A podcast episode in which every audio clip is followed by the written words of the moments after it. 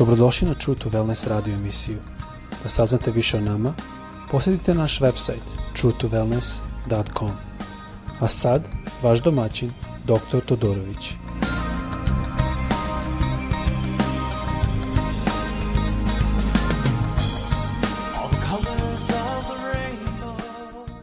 Ljubazni dobrodošli naš podcast. Ovo je sada šest epizoda gde gledamo i učimo o Hristu kroz iskustvo i primjer Petra. Znači, gledamo na Petra koji je bio učenik Hristov i tačno šta možemo sve naučiti iz njegovog iskustva. Jer sada malo smo ranije govorili o tome da je Petar hodao na vodi zajedno sa Hristom. Malo smo hodili o tome šta, govorili o tome šta to znači, kako je Galilejsko more i zašto je to specifično važno neki ljudi misle da to samo bilo jako plitko tu i da ovi prosto nisu znali gde su. Ali to su bili ribolovci koji su lovili baš na tom moru, tako da ja sam prilično siguran da su oni znali to more, to jest jezero, vrlo, vrlo dobro. Tako da, e, isto tako smo malo spomenuli da je tu baš a, e, a, e, tektanička folta, što sam ja morao malo iz geomorfologije učiti, morao sam, malo sam imao prilike iznat, i da tu u stvari ne može lako da bude ravna površina zato što folta to je folta koja se deli, otprilike ista folt, vrsta folta kao što je pod eh, dnu Atlantika. Tako da to pravi prilično um, eh, neravn, neravnan teren i to je isto ono što sam ja vidio kad smo bili tamo. Onda smo govorili o Mateju 16.16 16, gde je Petar rekao ti si Hrist, sin Boga živog i šta je to značilo Govorili smo o tome šta je to bilo i zašto je bilo da samo par stihova kasnije Isus je morao reći e, Petru, Petru beži od mene Sotano. I onda smo govorili e, malo o tome šta to znači da e, narod mora biti u stanju da razmišlja kako Bog želi da razmišljamo, a ne kako ljudi. I šta to znači da će crkva savladati smrt, da će crkva savladati dobiti ključeve od Carstva Nebeskog i općenito šta to znači a, e, hodati u slabosti kad je Petar se odrekao Hrista.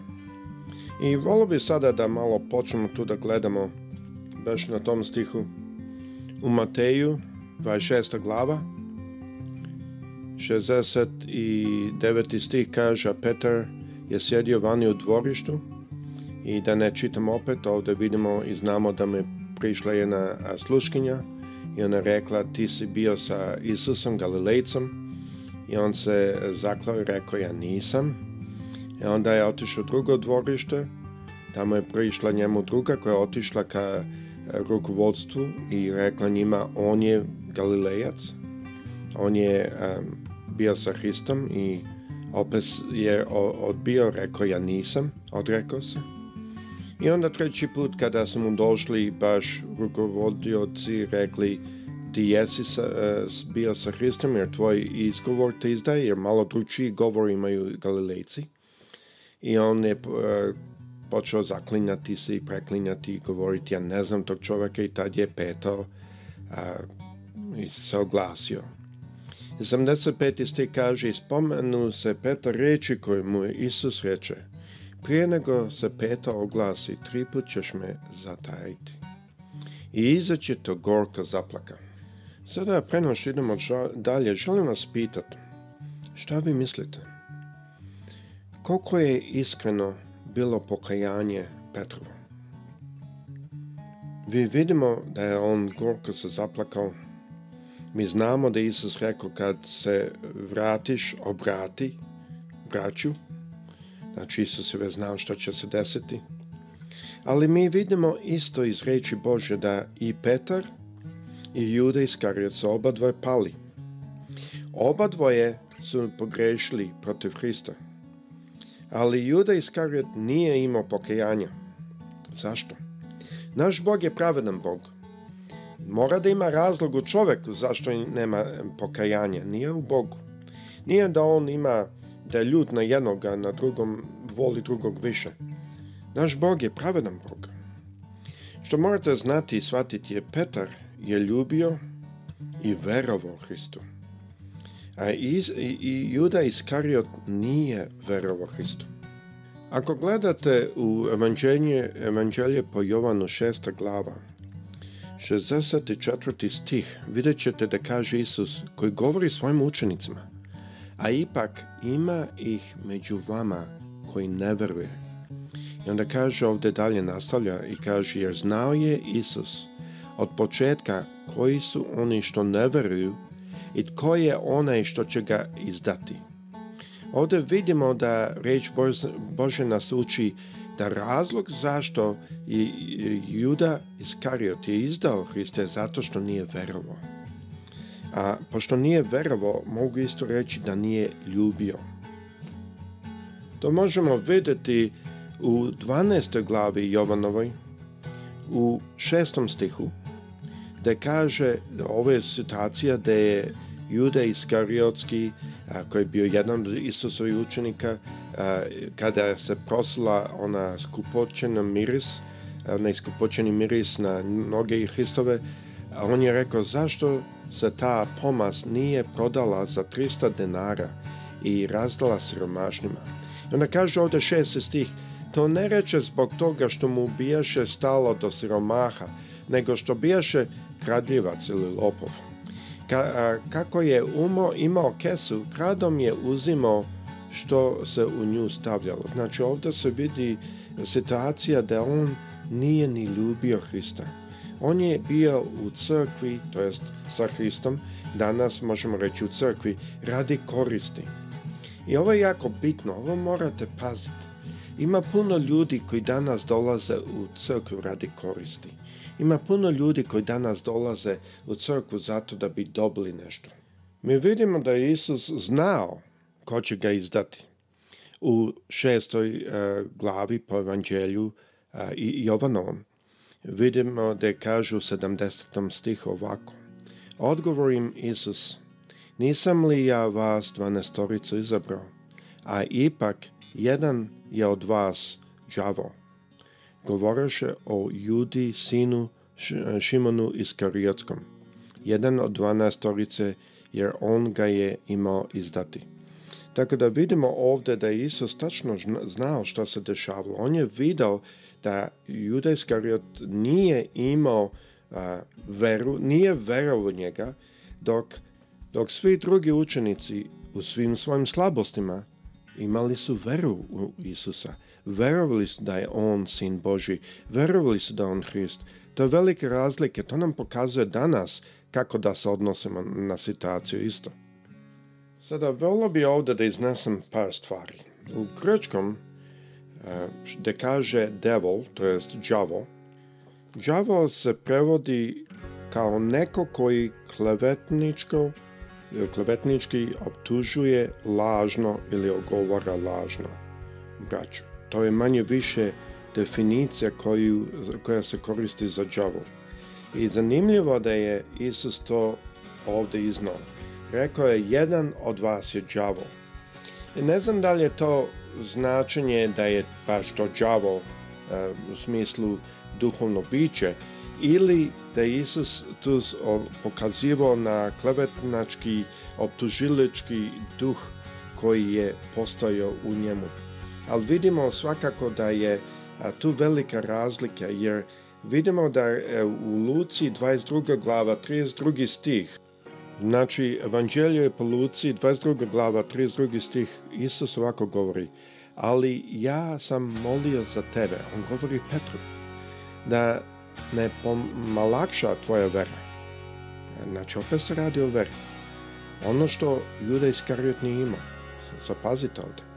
Kaže, onda Isus nastavlja, pa kad se sebi dođeš, što ovde znači sebi dođeš? Obratiš. Zanimljivo.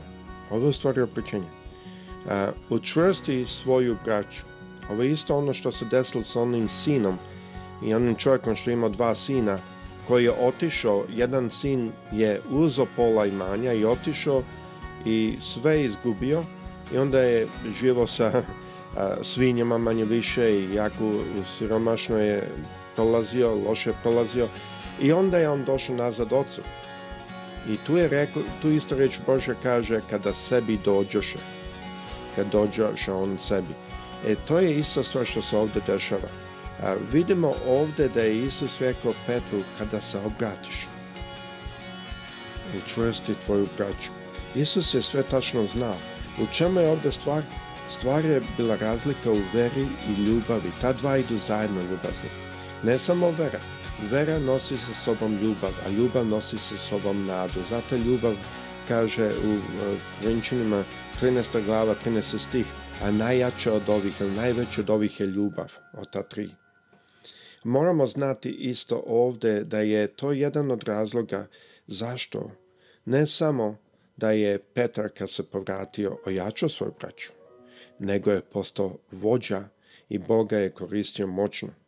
Dok a, Đuda um, Juda Iskariot, e, njegovo pokajanje se nije primilo i on je učinio samo, e, samo ubistvo.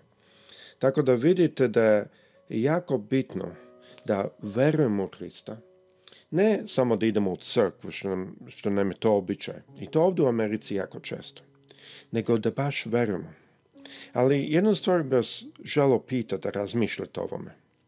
Danas, kada bi došao u crkvu Petar, i Juda Iskariot. Ko bi bio više prihvaćen?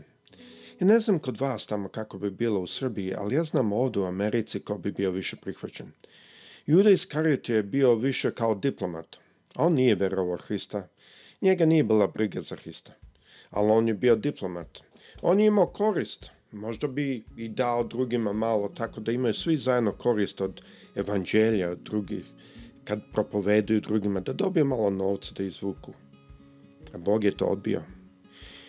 Isus nas je učio, džabe ste dobili, džabe dajte. Pazimo se da ne dođemo u duhu koji je Juda Iskariot bio.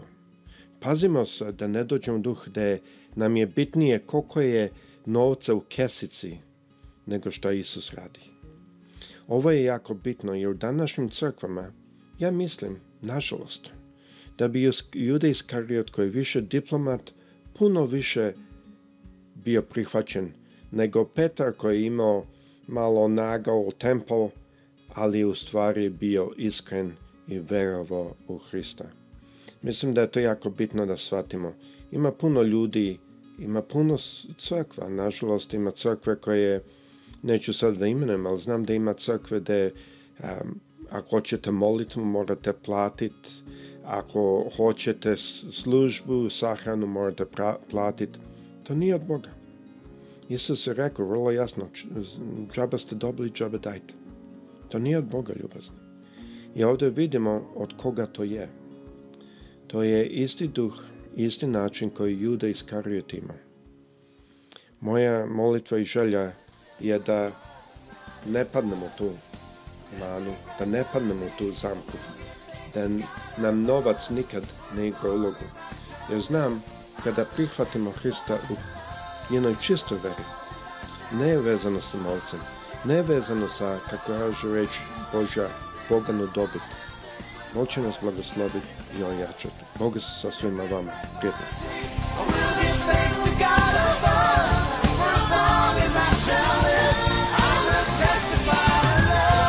Slušajte True to Wellness radio emisiju. Pridružite nam se ponovo svaki utorak, četvrtak i subotu. Za kontakt molimo posjetite naš website truetowellness.com. Naša email adresa je info at truetowellness.com.